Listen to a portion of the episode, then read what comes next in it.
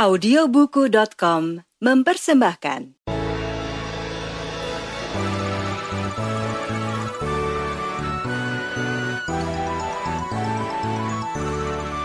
Ayo kawan kita bersama-sama. Dengarkan dongeng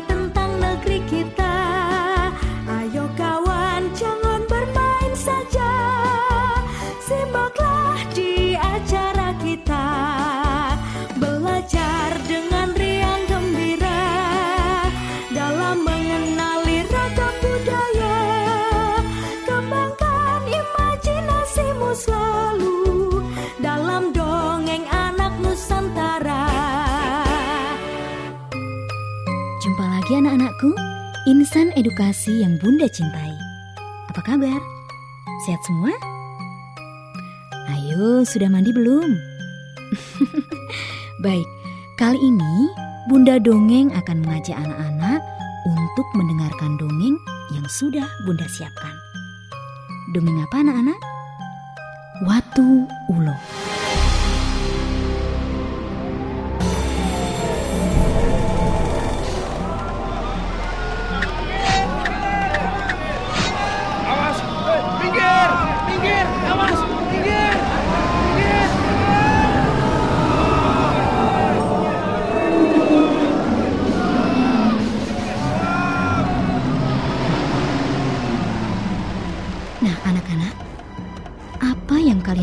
Tadi? Prabu Palpana sedang memotong leher sang naga yang besar sekali, hingga kepala sang naga terpisah dari tubuhnya. Dan sang naga dengan tubuhnya yang besar menggelepar-gelepar kesakitan. Kenapa Prabu Palpana membunuh sang naga?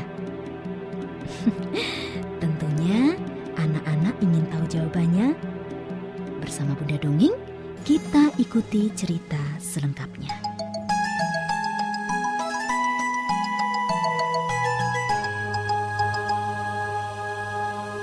Anak-anakku, ada seekor naga yang sangat besar sekali. Badannya sebesar pohon kelapa dan panjang banget. Itu bukan naga biasa.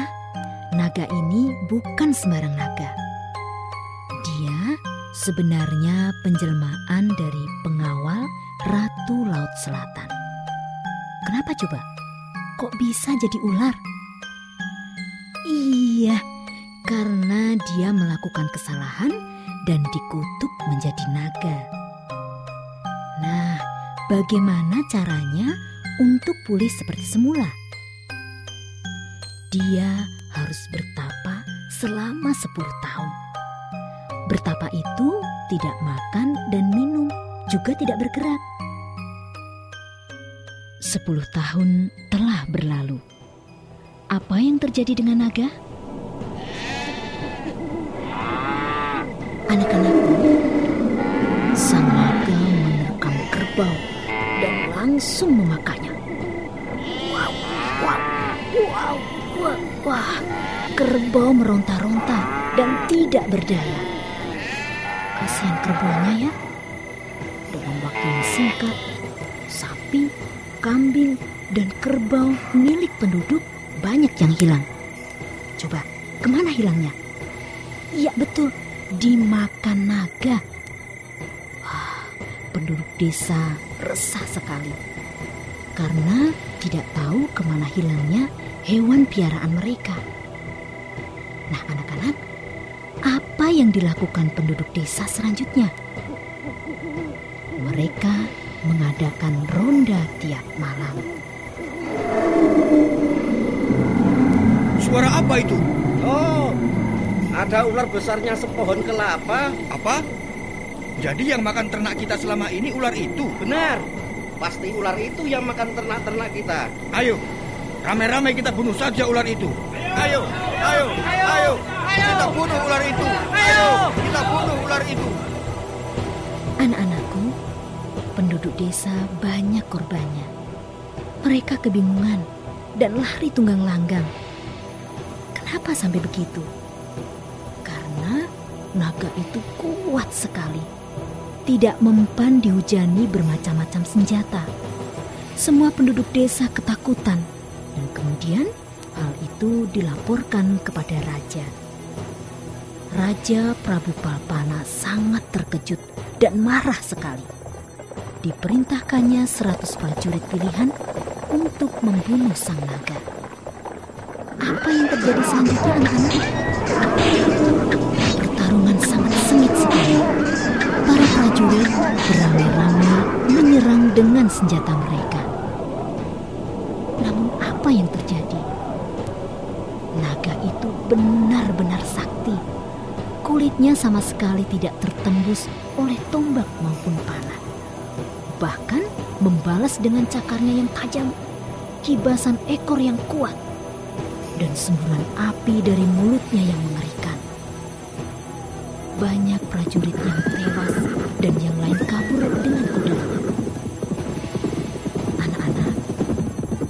usaha para prajurit tidak membuahkan hasil.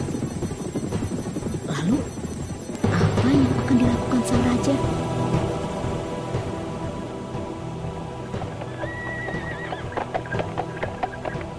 Paduka, Paduka, mohon ampun Paduka, kami tidak berhasil. Banyak prajurit kita yang gugur Paduka. Apa? Dengan 100 prajurit tidak bisa mengalahkan seekor ular? Huh! Prajurit macam apa kalian? Patih, Iya, bagaimana kamu melatih prajurit-prajurit pilihan kerajaan? ah, maaf Paduka. Mungkin ada hal lain yang menyebabkan kekalahan prajurit kita, Paduka. Ampun Paduka, Gusti Patih benar. Ternyata ular itu bukan ular sembarangan, tapi seekor naga yang sangat sakti Paduka dan tidak bisa tertembus oleh pusaka kita. Hebat benar sang naga itu. Baik, baik. Apa yang harus aku lakukan, Patih? Naga itu sepertinya bukan naga sembarangan, Paduka. Ah, Prajurit, apakah naga itu sangat besar dan punya tanduk di kepalanya?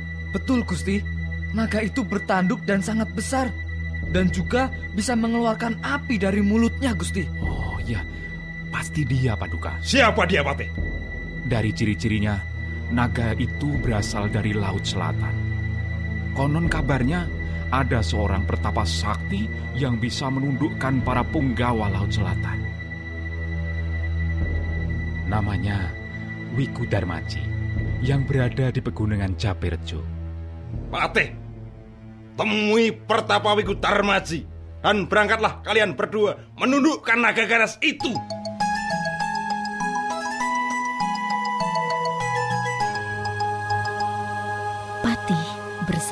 Sang Wiku mencari tempat persembunyian naga. Akan tetapi, ketika Sang Wiku hampir tiba dekat persembunyian naga, rupanya naga itu sudah mengetahui datangnya Sang Wiku. Dan anehnya anak-anak, naga bisa mengetahui kesaktian Sang Wiku. Baginya, tak mungkin melawan Sang Wiku. Karena apa anak-anak? Naga kalah sakti dengan Sang Wiku. Makanya naga itu pun segera melarikan diri. Dia langsung terbang ke arah pantai. Hai, jangan kabur. Ayo lawan aku. Teriak Sang Wiku. Loh, loh, loh, loh, loh, loh. Lawan tua bangka kok kabur. Ayo, tak kejar sampai di mana kamu, hah? Gerutu Sang Wiku. Naga pura-pura tidak mendengar teriakan Sang Wiku. Dia terus saja kabur. Waduh, aduh, aduh, aduh, aduh. Loyo aku. Hah, dasar udah tua, ya tidak jos lagi. Penyesalan Sang Wiku. Wiku Darmaji segera kembali ke istana dan melaporkan kepada Prabu Palpana. Maaf Prabu, lawang naga ganas itu lari ke birit-birit ketika melihat wajahku yang tampan ini. Kelakar Sang Wiku dengan harapan Sang Prabu tidak cemas akan hal itu. Tapi apa yang terjadi anak-anak? Muka sang Prabu memerah dan cemas karena naga ganas itu belum binasa. Melihat situasi itu, sang Wiku menenangkannya. Biar saja naga itu lari, dia tidak akan bisa lolos dari pantauanku. aku kok, aku nanti juga tahu kelemahan naga itu. Anak-anak, apa selanjutnya yang dilakukan naga itu dan ke mana dia lari? Ratu, Ratu Selatan, saya minta tolong Ratu. Uh, ampuni saya, tolong saya Ratu. Uh, uh, Apa yang membuat kamu ketakutan? uh, tolong hamba Tuanku.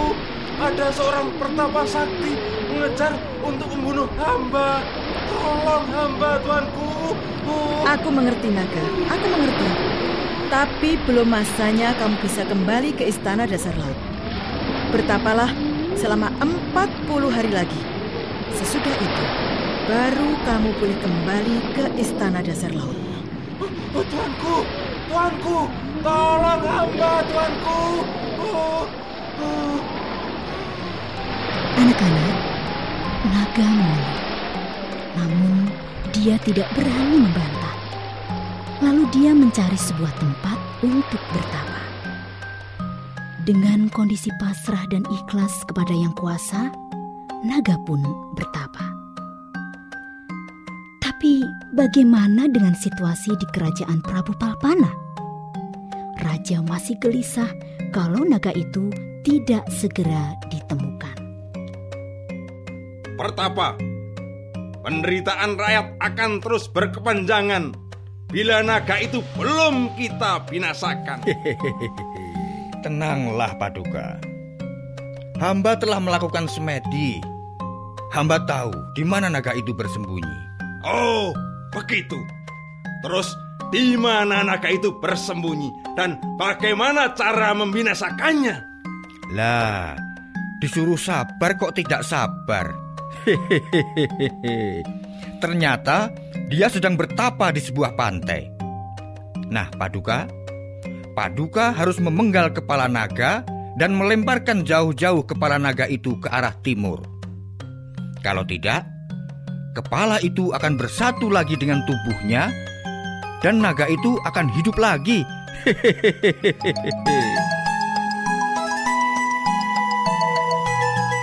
Tanpa membuang-buang waktu Prabu Palpana berangkat mencari naga. Beliau diiringi beberapa prajurit. Dari kejauhan, terlihatlah naga yang sedang bertapa. Ekornya yang panjang melenggak-lenggok. Matanya terpejam dan dengus nafasnya yang menunjukkan dia masih hidup. Apa yang akan dilakukan Prabu Palpana? Mengendap-endap mendekati naga. Pesan Wiku terngiang kembali di telinga sang Prabu. Kepala naga itu harus dipenggal dan segera lemparkan jauh-jauh ke arah timur. Anak-anakku, Prabu Palpana menghampiri naga dengan sikap waspada. Tetapi tidak ada tanda-tanda naga itu akan bangun menyerang. Dia tetap saja diam tak bergerak. Prabu Palpana tiba dekat naga dan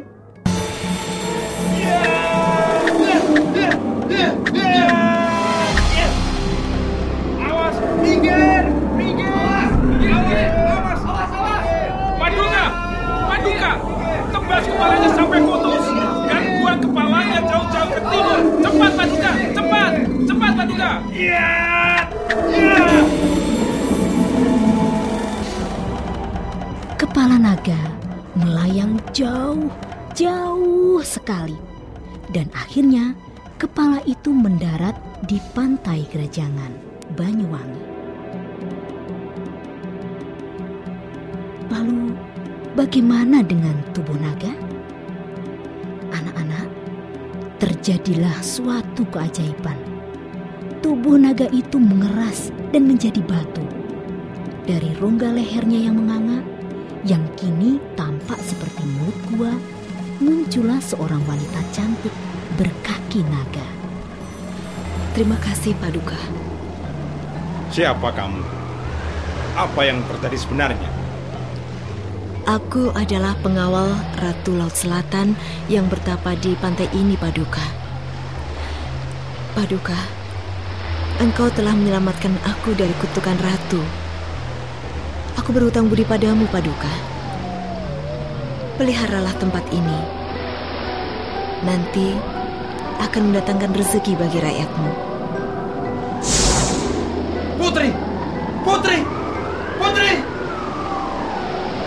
Dia telah pergi, Paduka. Apa maksud omongannya tadi? Hamba juga tidak mengerti, Paduka. Apa pun maksudnya, aku akan perintahkan rakyatku untuk merawat tempat ini. Dan batu ini dinamakan Watu Ulo.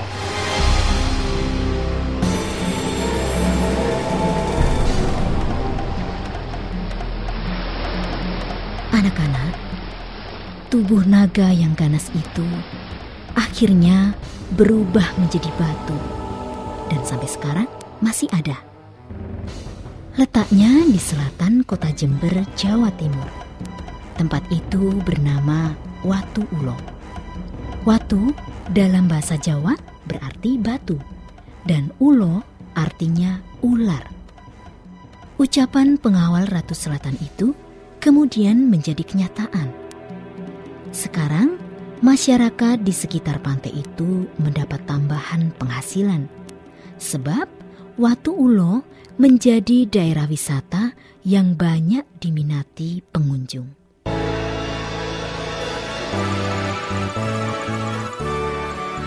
Nah, anak-anakku, insan edukasi tercinta, bagaimana cerita Bunda Dongeng tadi? Iya, begitulah perbuatan yang baik jika dilakukan dengan ikhlas akan mendapatkan imbalan yang setimpal. Nah, anak-anakku, sampai di sini cerita Bunda Dongeng. Ketemu lagi dengan cerita yang lain, tentunya di frekuensi yang sama. Sampai jumpa.